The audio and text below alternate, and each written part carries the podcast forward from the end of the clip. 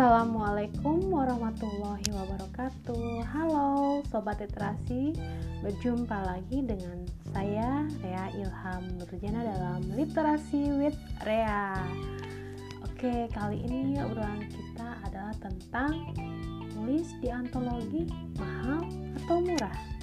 Hmm, Kira-kira gimana ya? Yuk simak aja ya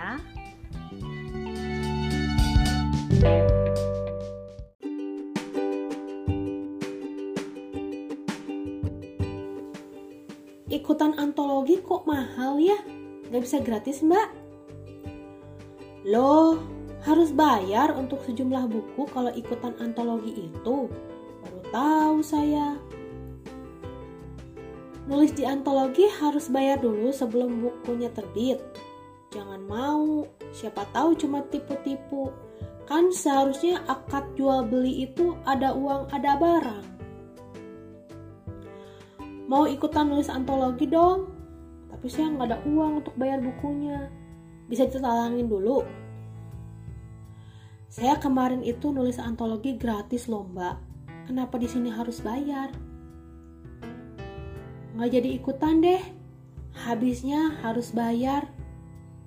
Nah, ungkapan-ungkapan yang barusan saya paparkan itu sering banget dulu saya terima ketika saya menawarkan proyek-proyek nulis antologi. Ada lagi yang lebih-lebih ekstrim yang saya lihat di sebuah grup di medsos. Hampir tiap hari ada pertanyaan seperti ini. Kak, ada nggak info nulis antologi yang nggak perlu bayar, yang nggak perlu pesen buku, tapi semua pesertanya bisa dapetin buku gratis, bisa dapetin piala dan sertifikat. Wah, gimana ya yang kayak gitu? Fenomena yang banyak tergambar dari para peminat proyek antologi adalah sebagian dari mereka yang memang lebih sukanya gratis. Ingin eksis sebagai penulis, tapi mereka tidak mau keluar uang barang sepeser pun. Ingin langsung melejit menjadi penulis tenar, tapi tidak mau sabar berproses dengan banyak berlatih agar menghasilkan karya yang fenomenal. Beberapa bahkan berkomentar, beli buku antologi barang 3-4 eksemplar itu mahal. Tapi untuk hal-hal kurang penting lainnya, buat hangout dan sebagainya, sanggup menghabiskan dana sampai jutaan. Sudah ingin gratis menerbitkan, kemudian tidak mau berpromosi atau menjual buku korea sendiri saat sudah terbit. Tapi biasanya mereka akan langsung menuntut fee atau bayaran saat tahu bukunya dipromosikan dan dijual oleh penerbit yang bersangkutan. Wah gimana ya? Ngedengarnya saya kurang serp gitu ya. Nah tapi itu nanti kita bahas ya di session yang lain nah kira-kira sobat literasi ada nggak yang tahu kenapa kalau kita menulis dan menerbitkan buku di antologi di penerbit indie itu harus bayar di awal Sebabnya yang pertama, kan untuk mencetak buku, mendesain cover dan sebagainya pasti butuh dana kan ya. Butuh tinta, kertas, kuota, listrik untuk menghidupkan peralatan mengedit dan segala sesuatunya. Nah semua itu butuh dibeli dan didapatkan pakai uang, bukan pakai daun pisang ya, apalagi pakai daun toge. Emang toge ada daunnya? Ada kecil tapi ya. Hmm, beda urusan tuh ya. Nah, belum lagi yang ngurusin proses penerbitan buku itu butuh uang kan untuk anak dan istrinya supaya dapur mereka tetap ngebul. Nggak ada itu yang bekerja berdasarkan ikhlas lillahi ta'ala semata. Memangnya kalau anaknya mas layouter yang menangis minta jajan mau mengerti saat diberi doa saja? Misalkan nak mau jajan? Bapak belum punya uang. Berdoa aja ya. Namanya anak-anak tuh nggak ada yang diomongin gitu langsung iya pak gitu. Banyak kan anak-anak kecil ya. Apalagi yang usia-usia balita tuh biasanya kalau mereka minta ya minta lah terus gitu kadang sampai merengek sampai nangis sebelum diberi Anak-anak itu seperti slogan rakyat ketika partai-partai berkampanye saat pemilu. Seperti ini kira-kira ya, kalau bisa disuarakan. Kami butuh bukti bukan janji. Jadi mereka tuh kalau sudah dikasih uang atau jajanan baru berhenti menangis. Yang kedua, kenapa perlu bayar? Karena penulis yang menulis buku di antologi pada penerbit indie itu kebanyakan itu adalah penulis pemula yang kualitas tulisannya memang masih dipertanyakan ya. Belum teruji kualitasnya. Jadi kalau bukan penulis itu sendiri yang membeli siapa lagi? Gitu kan. Sementara Kebanyakan dalam hal pembelian pertama saja yang diwajibkan dua atau tiga eksemplar itu kadang-kadang suka ada yang merasa keberatan gitu. Mereka bingung mau dikemanakan bukunya gitu. Nah apalagi kalau misalkan sampai dibuka pre-order kedua dan lanjutan itu jarang sekali yang pembeliannya lebih dari dua eksemplar apalagi yang sampai bereksemplar eksemplar paling hanya satu dua orang aja. Itu ya. Yang ketiga, sejatinya Penerbit indie itu hanya bertugas memfasilitasi keinginan dan impian para penulis pemula yang ingin menerbitkan karyanya dalam bentuk buku, mau bagus atau tidak. Karena memang sebenarnya menerbitkan antologi di indie itu sebagai satu sarana latihan bagi penulis pemula untuk tes pasar juga salah satunya. Karena seperti yang kita tahu ya, semua penulis pasti tahu ini bahwa menembus penerbit mayor itu sulit, apalagi sebagai penulis pemula yang belum punya nama. Itu sulit sekali. Jadi yang termudah adalah dengan mengikuti event-event di antologi yang diadakan oleh penerbit indie. Itu persyaratan lebih mudah. Yang terpenting store tulisan, nanti ada bagian editingnya di penerbitnya, kemudian bayar untuk sejumlah buku terbit. Gitu ya. Jadi kalau ada kontributor di proyek antologi yang menolak atau keberatan dengan kewajiban membayar di awal untuk harga buku sebelum dicetak, sebenarnya buat penerbit ini bukan masalah ya. Sebab masih banyak penulis lain yang bersedia membayar sesuai ketentuan, bahkan berani memesan lebih dari ketentuan standar. Ya ada ya, tapi nggak banyak memang. Kemudian yang keempat, menerbitkan buku di Indi dengan jumlah minimal 1 hingga 3 buku sebenarnya sudah sangat murah Bayangkan jika kita ingin menerbitkan buku dan dijual di toko buku, maka kita harus mengeluarkan dana seharga minimal 1000 eksemplar buku. Ini penerbit-penerbit maya tuh melakukan hal seperti itu.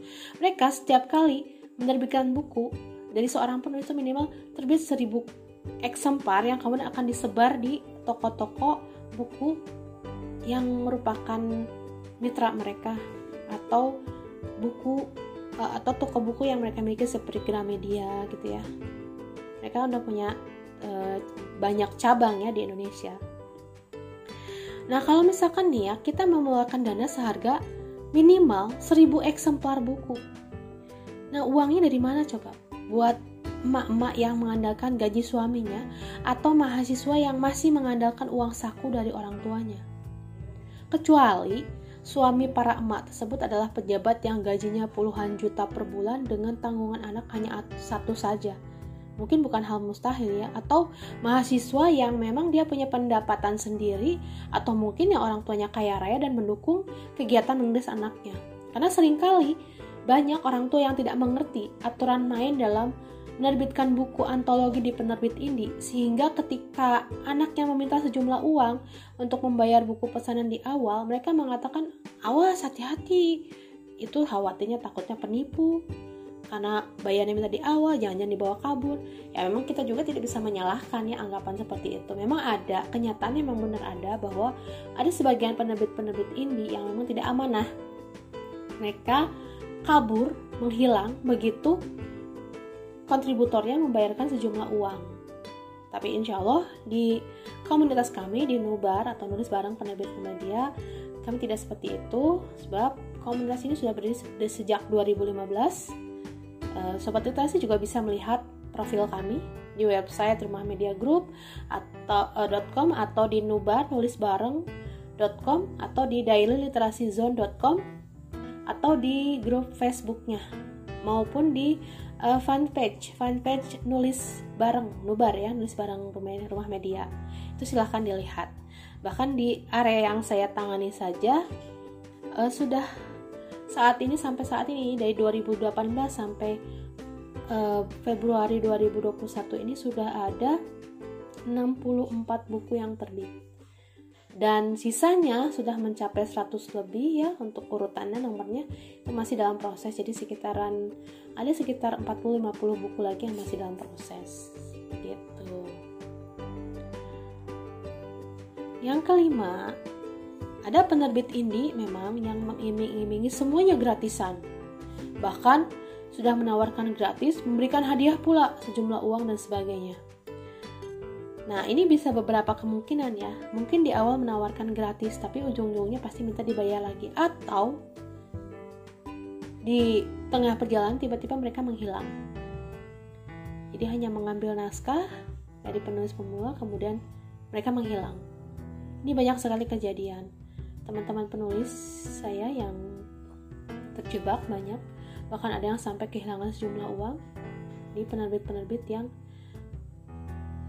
menawarkan hal-hal yang gratis gitu. Jadi makanya kalau misalkan mau ikut nulis di antologi penerbit ini harus benar-benar hati-hati ya. Harus benar-benar melihat profilnya. Harus benar-benar memastikan bahwa komunitas yang kita ikuti benar-benar terpercaya kredibel gitu ya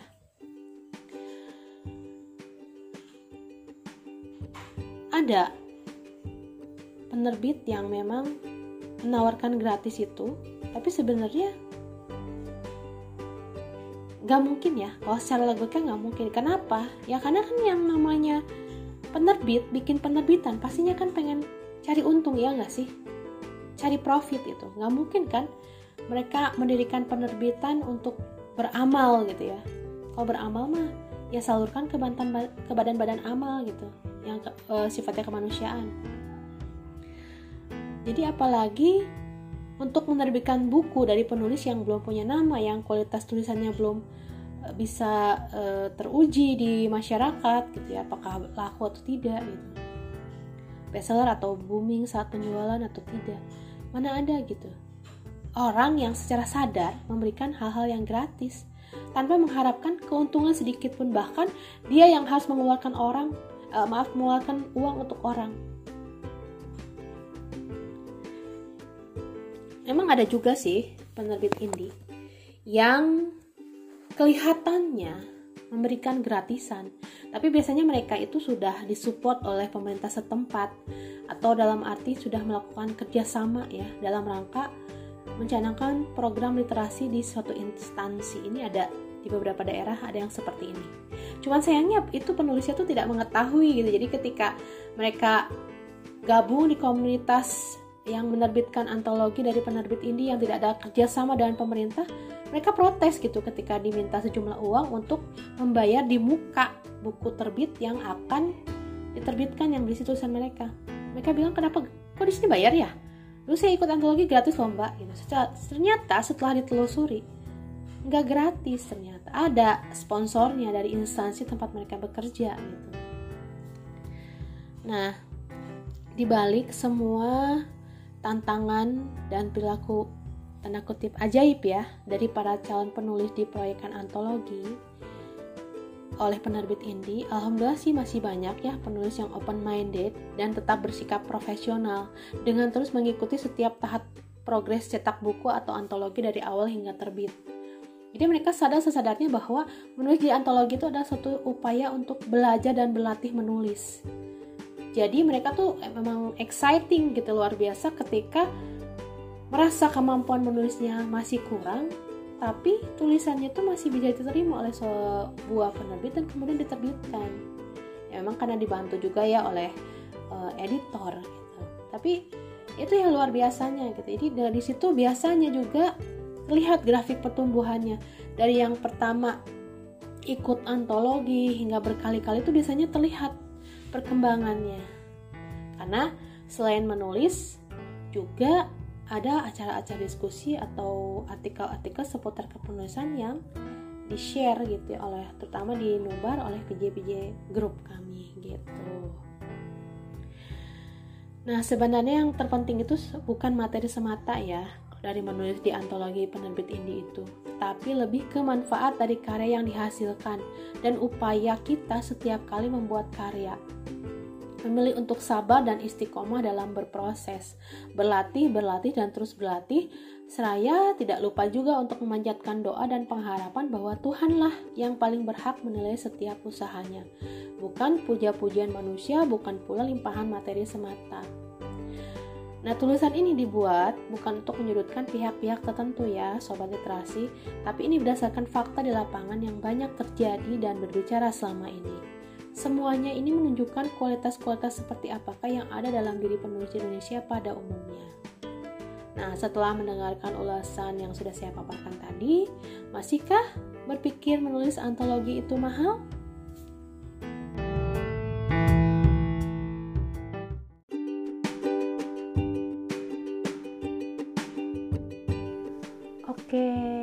Selesai sudah. Bagaimana menurut Anda isinya?